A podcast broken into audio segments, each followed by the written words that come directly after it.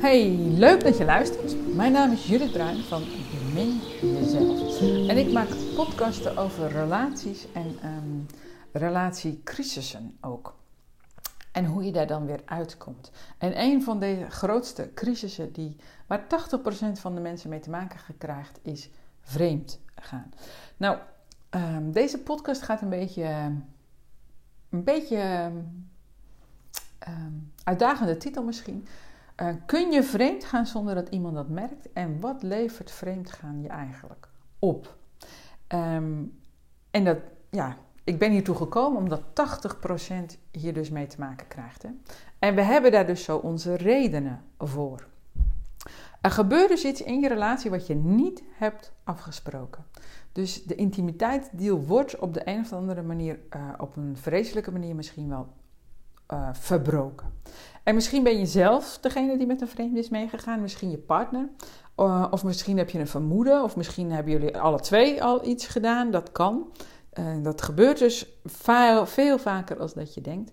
En, en als zoiets speelt in je relatie, dan voel je dat vaak wel aan. Voel je nou niet schuldig als dat bij jou niet het geval was, want daar gaat het niet om. En misschien was je gewoon heel veel bij je gevoel vandaan gedreven. En misschien ook wel om jezelf te beschermen. Hè? Dus, dus er is geen goed of fout. Maar met een vreemde meegaan, dat zorgt wel altijd voor een worsteling. Want zodra er seks bij komt, ontstaat er toch een intieme band. Ook bij de meeste mannen. Dus degene die vreemd gaat, die belandt in twee werelden. Hè? Die heeft misschien wel schuld- en schaamtegevoelens naar, naar thuis, naar zijn partner, naar kinderen. Uh, en maar tegelijkertijd voelt diegene zich eindelijk weer levend. Want dat is de reden waarom, de grootste reden waarom we met een vreemde meegaan. Maar 8% doet dat puur voor de seks. 12% omdat hij die partner heel aantrekkelijk vindt. En het overgrote gedeelte gaat dus met een vreemde mee, omdat je dan weer levend voelt. En dat betekent eigenlijk dat je de leegte in jezelf niet uh, voelt. Dus het is heel aantrekkelijk om mee door te gaan. Um, en natuurlijk ben je dan ook een beetje bang dat ze het aan je kunnen zien. Maar als dan blijkt dat dat niet het geval is, als je er gewoon heel makkelijk mee wegkomt thuis, ja, dan kun je er ook gewoon makkelijker mee doorgaan. En toch komt er vaak een moment dat je partner iets begint te vermoeden. Hij of zij die voelt gewoon dat er iets niet klopt en die gaat vragen stellen. En misschien steken dan je schuld- en schaamtegevoelens dus de kop op. Hè? Je, gaat, je geweten speelt op. Uh, maar omdat niemand wil voelen dat je mogelijk iets goed of fout doet, ontken je dat gewoon. En uh, diep in je hart wil die partner natuurlijk jou ook gewoon heel graag geloven. Die wil gewoon dat alles bij hetzelfde, bij het oude blijft. En die, die, die wil ook helemaal niet geloven dat jij met een vreemde meegaat. Dus je krijgt het voordeel van de twijfel. En toch, je partner is niet achterlijk, hè? Dus hij of zij begint je te controleren, te checken, nog meer vragen te stellen. En het wordt steeds moeilijker om dan alsnog eerlijk te zijn. En dan komt er een moment, of misschien is dat er al lang al hoor, dat niet alleen jij, maar ook je partner in twee werelden gaat leven. Dus jij hebt je buitenwereld en je binnenwereld heb je je gezin. En je partner die heeft een buitenwereld, dat ben jij en je gezin. Maar die heeft ook een binnenwereld. En wat zij voelt, komt niet langer overeen met de werkelijkheid, met wat ze ziet, met wat haar buitenwereld is. En er ontstaat een splitsing. En dan kan het zijn dat diegene dat hij aan zijn eigen gevoel begint te twijfelen. Zeker als die verhouding niet alleen ontkend wordt, maar ook als je ook nog eens als, um, um, als niet, de, de partner die niet vreemd gaat, als je dan ook nog eens uh, als paranoia wordt uitgemaakt paranoïde gedrag. Uh, als je beschuldigd wordt van achterdocht of zelfs van jaloezie, dat je je niet zo aan moet stellen, uh, dat je spoken ziet. En dan, uh, dan komt die affaire uit, alsnog natuurlijk, zoveel jaar later soms. En dan doet dat ongelooflijk veel pijn. Dus niet alleen de affaire, maar ook al het gelieg. En ook dat je je eigen gevoelens niet geloofd hebt dat je jezelf in slaap hebt laten sussen eigenlijk. En in één klap wordt alle onschuld uit jou gezogen en ook uit jullie relatie.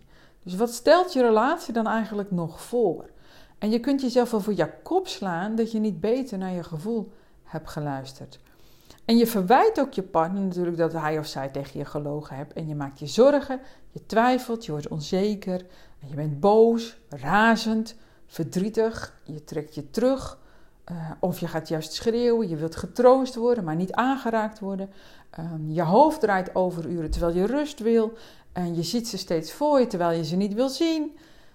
Er vallen steeds meer kwartjes en ineens doorzie je alle leugens. En je doorziet dat je jezelf in slaap hebt laten zussen. En dat verwijt je dan jezelf. En dat is net niet wat je nodig hebt. Dat is net wat je niet kunt gebruiken. Want je hebt empathie nodig. Het enige tegengif tegen schaamte en schuldgevoelens is empathie. Uiteraard dat van je partner. Maar of hij of zij daar bekwaam in is, dat valt nog te bezien. En het maakt je afhankelijk. Dus jezelf empathie geven, dat werkt meteen en het maakt je onafhankelijk. Je blijft staande in de chaos en je bent dan zelfs in staat om iets nieuws op te bouwen, samen of alleen. En wat empathisch luisteren precies is, dat kun je luisteren in de vorige podcast. Um, het empathisch luisteren en het jezelf eerlijk uiten is daarom een heel belangrijke pijler van de methode Bemin elkaar. Het is de smeermiddel, het smeermiddel van je seksuele relatie. Want wie heeft het nou op verjaardagsfeestjes over vreemd gaan? Of dat je partner is met een vreemde is meegegaan? Daar wordt zelden of nooit over gesproken, tenzij het een lekkere sappige roddel is. En uh, misschien doe je daar zelfs aan mee, hè? Dat is ook heel logisch. Want zolang je roddelt over andere mensen, hoef je nooit uh, je eigen gevoelens te voelen. Hoef je niet aan je eigen behoeftes te denken. En kun je jezelf ook makkelijk voor de gek blijven houden. Want ja, uh, je kunt jezelf makkelijk wijsmaken dat het bij Jaap en Anneke net iets erger is dan bij, bij jou en Jeroen. Ik zeg maar wat. Dus um, je roddelt enerzijds om je eigen pijn te onderdrukken. Uh, en om die te, dus te negeren. En um, anderzijds om het allemaal maar niet uh, buiten, buiten de deur te hangen. Um, want het is heel erg pijnlijk als je intimiteitsdeel wordt verbroken. En het is ook heel ongewoon om die vuile was buiten de deur te hangen. En heel vaak werkt dat ook averechts, want dan krijg je ongevraagd advies en ongevraagd, uh, ja, vooral ongevraagd advies. Maar, uh, nou ja, ik kom er zo nog wel eventjes op. Dus of je relatie nu soepel of stroef verloopt, dit is wel jullie relatie en het is jullie intimiteitsdeal. En die deel je doorgaans niet met anderen. En um, vaak heb je onbewust of bewust afgesproken dat je relatie alleen uit jullie of uit zoveel personen bestaat. Uh, dat maakt namelijk voor de rest niets uit. En als een van beiden die verbreekt, dan is dat heel erg pijnlijk. En je voelt je ook niet langer veilig meer bij je partner. Jullie vertrouwensband is verstoord geraakt, misschien wel verbroken. En toch wil je graag je hart uitstorten, want dat is logisch. Maar bij wie dan? Als het niet meer bij je partner kan. Um, en je hebt al gemerkt dat de sensatielust bij de meesten groot is. misschien heb je er zelf ooit aan meegedaan. Toen ik um, in een periode zat uh, voor mijn scheiding, had ik enorm veel verdriet. En er gebeurden allemaal dingen waarvan ik het gewoon niet geloven kon. En uh, mijn partner dacht waarschijnlijk precies hetzelfde, dus daar gaat het niet om. En ik had een, een vriendin en die belde ik om de dag. En uh, we hadden het bijna alleen maar uh, over mijn problemen en mijn pijn. En op een gegeven moment merkte ik heus wel dat het voor haar sensatie was.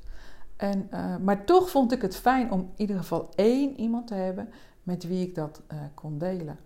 En toen eenmaal de scheiding ook geregeld was, heb ik nooit meer iets van gehoord. Uh, en achteraf bleek dat zowel zij als haar partner uh, ook met een vreemde mee waren gegaan. Dus het was puur sensatielust vanuit haar, of misschien voor 90%. En weinig interesse in mij. En toch was het fijn voor mij om mijn hart uit te storten, dus ging ik ermee door. Um, maar had ik dat niet gedaan, nou dan, ja, dan weet ik niet wat er met mij gebeurd was. Dan implodeer je een, een, een beetje, denk ik. En um, zo ging dat ook uh, bij Bianca. Dus um, Bianca's man, uh, die biechtte op een gegeven moment op dat hij een affaire had. En die adviseerde het omdat ze het voor zich zou houden. En dat heeft ze ook gedaan. Dus haar broers, haar zussen, haar ouders, die hadden geen idee wat er gebeurde, haar vriendinnen niet. En zo konden ze dus niet over haar roddelen. En ze konden dus ook geen ongevraagd en goed bedoeld advies geven. Maar ze kon ook nergens haar verdriet kwijt, haar schuld- en schaamtegevoelens. Die kon ze ook met niemand delen. Ze, ze moest alles alleen oplossen. En het werd gewoon een soort van etterende wond. Ze, is er haast in gestikt. Ze kreeg keelklachten, uh, onverdraagbare of onverklaarbare, onverdraagbaar ook, maar onverklaarbare angst en paniekaanvallen. Um, en ze werd broodmager. En, en pas toen haar man alsnog de scheiding aanvroeg, pas toen zocht ze hulp voor zichzelf. En als je weet dat 80% um, ehm, met elkaar met te maken krijgt met vreemdgaan van een van beide partners, of soms allebei, wat ga jij dan doen? Wacht je ook tot je ziek wordt of schakel je eerder hulp in? En als je nu hulp wil en je vindt het allemaal nog een beetje spannend, wat ik heel goed begrijp, dan kun je dus ook anoniem een van mijn webinars bekijken. Dat mag met de camera uit. Zit je eenmaal in de training en doe je mee aan de calls, dan natuurlijk niet. Dat is heel onveilig voor de rest. Maar tijdens een webinar mag je gewoon zonder camera kijken. En uh, zelfs anoniem je vragen stellen, kan niemand lezen. En um, ik hoop dat je dat een keer doet. Ik hoop dat je een keer komt kijken als je in een situatie zit die ik beschreven heb. En dat je dit niet alleen gaat doen. Dat je het geen etterende wond laat worden. En dat je er niet in gaat stikken of een of andere ziekte krijgt. Want elk emotioneel, psychisch of spiritueel probleem leidt uiteindelijk tot fysieke klachten. En dat is niet nodig. Het is ook nog eens niet nodig. Dus gun jezelf die ruimte en heel je wonden. En misschien is een eerste stap het kijken naar het webinar. Uh, dat kun je vinden op www.beminjezelf.nl slash webinars. Bedankt voor het luisteren en ik hoop dat ik je gauw een keer ontmoet of ziet. Of dat je een reactie achterlaat of een vraag aan mij stelt waar ik een podcast over zou kunnen maken. Bemin jezelf en bemin elkaar.